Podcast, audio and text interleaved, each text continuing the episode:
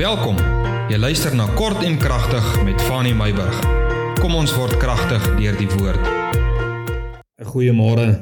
Ek vertrou dat jy is nog lekker warm in jou bed. As jy nie is nie, vertrou ek dat jy is lekker warm aangetrek. Ek het gister gesê dat ons gaan 'n bietjie kyk na drie verskillende leiers wat opgestaan het basies vanuit die bespieders se belewennisse wat hulle gehad het in Kanaan nadat Moses hulle weggestuur het. So Die drie leiers waaroor ek met jou wil gesels hierdie volgende 3 dae kry ons nou in Numeri 13 en Numeri 14. Een van die leiers is die leiers van feite. En dit is waaroor ons vandag gaan gesels. Môre wil ek met jou gesels oor die leiers wat jou terugvat na Egipte toe en dan Vrydag wil ek met jou gesels oor die leiers van geloof. Nou, nie een van hierdie leiers binne 'n groep konteks is so seer sleg en verkeerd nie. Elkeen van hierdie leiers het 'n plek om te speel en het 'n rol om te vervul. En eh, maar tog sommige van hierdie leiers as hulle op hulle eie funksioneer kan tog 'n bietjie sleg wees vir 'n mens se geloof um, en dit kan sleg wees vir 'n mens se besigheid. En daarom is dit nodig dat hierdie drie leiers eintlik 'n bietjie saam moet kan werk. Nou ek het 'n uh, ding op 'n stadium gelees wat sê dat uh, twee kapteine sink 'n skip. Nou ek verstaan dat leiers nie altyd lekker wil saamwerk nie en dat leiers nie altyd lekker kan saamwerk nie. Dit sien ons ook, maar dit gaan nie so seer oor die hoofleier van 'n bediening of die hoofleier van 'n besigheid of die eienaar dan nou van 'n besigheid byvoorbeeld nie. Maar om mense te hê binne jou uh, bediening of mense binne jou kerk en jou gemeente, mense binne jou besigheid wat hierdie verskillende uh, karaktertrekke en karaktereienskappe het om saam te kan werk om dan nou die beste van die besigheid of dan die beste van die bediening dan na vore toe kan bring. So vanmôre wil ek met jou gesels oor leiers van feite. Nommer 13, nommer 14 praat van hoe die bespieders uitgegaan het, hoe hulle teruggekom het en uh Ons weet mos nou dat net twee van die 12 het teruggekom met 'n positiewe getuienis om te sê ons kan vorentoe trek. Maar daar was ander leiers wat na die feite gekyk het. Nou hierdie is die 10 bespieders wat net gefokus het op die negatiewe feite. Onthou ons praat oor leiers van feite. Hierdie tipe leier, hulle fokus was glad nie op die beloftes van God gewees nie. Hulle is nie die leiers wat geestelik ingestel is nie. Hulle funksioneer net op die feite en dit wat voor die hand liggend is. Daardie Thomas tipe leiers, as ek nie 'n ding kan sien nie, dan reageer ek nie daarop nie. En as ek 'n ding kan sien, ek het die feite, nou kan ek besluite maak volgens die feite wat uh voor my lê, dan maak ek 'n positiewe besluit. Hierdie tipe leiers neem aksies en maak besluite ruimskoots net op hierdie feite. Hulle het geen gevoel of geloof daardie innerlike tipe van 'n drywing en sê ek gaan dit doen al sê die feite en al getuig die feite nie daarvoor nie gaan ek nog steeds hierdie aksie of hierdie daad gaan ek doen. Hierdie ouens neem nie stappe in die donker nie. Hulle voel goeie beraadslaging is altyd nodig En hierdie beraadslaging sit die feite op die tafel en volgens die feite gaan ons dan die besluite en die keuses uitoefen. Hierdie ouens vat nie blindelings kansse nie.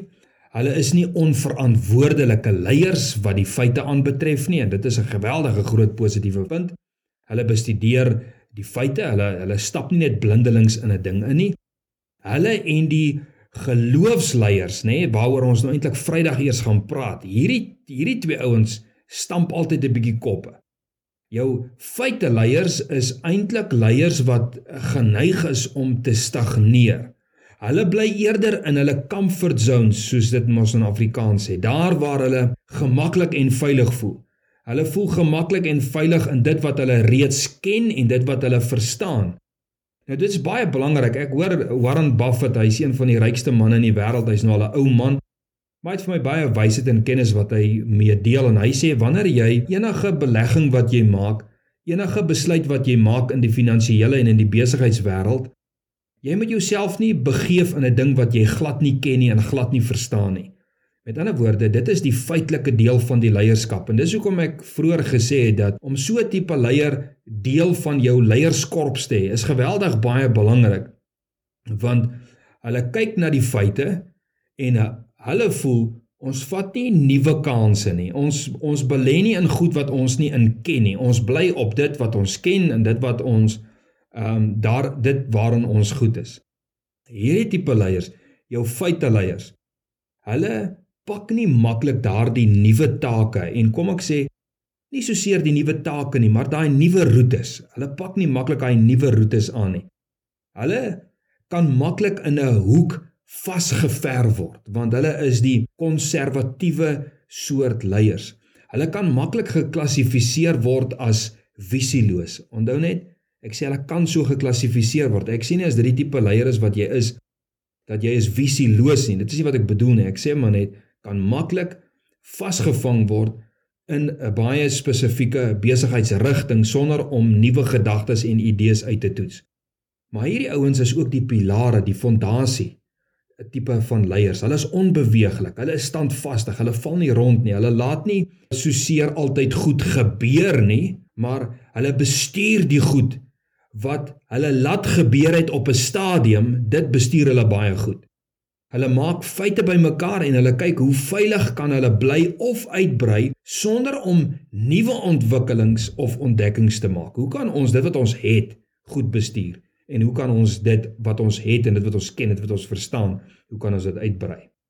Nou dis nie sleg of verkeerd om so 'n tipe leier te wees of om so 'n leier byvoorbeeld na te volg nie. Maar hierdie ouens is baie keer nie ouens wat uh, vir veel opwinding sorg nie altyd die same old same old soos hulle sê. Nuwe idees en lewe in die bedryf is daar nie altyd nie. Dis altyd net hierdie soos ek sê, same old same old.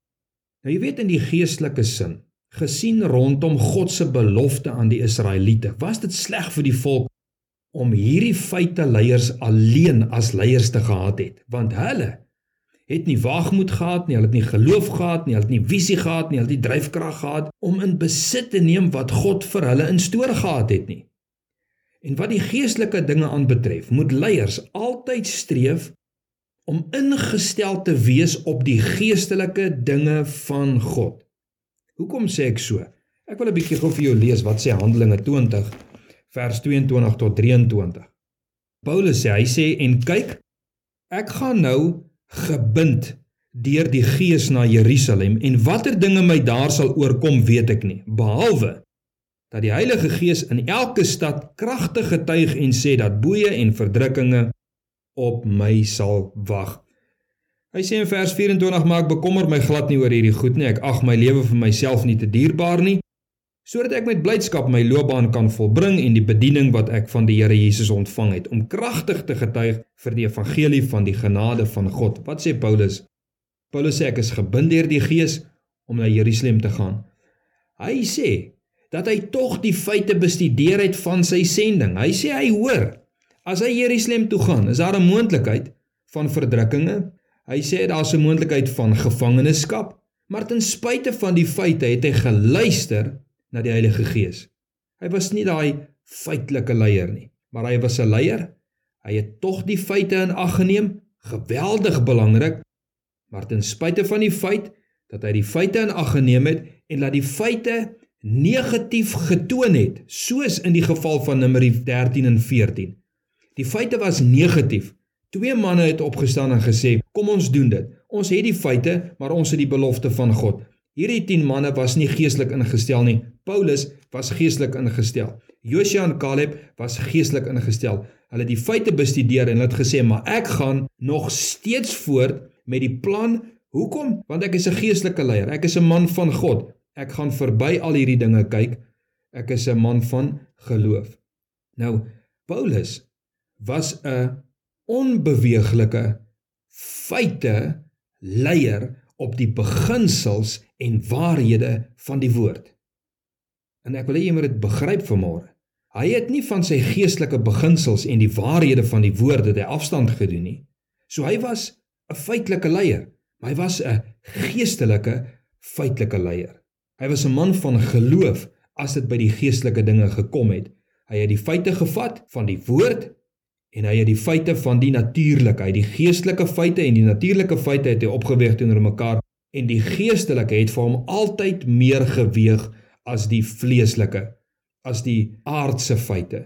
En op sy geestelike beginsels, op op die geestelike feite, daarop het hy gereageer.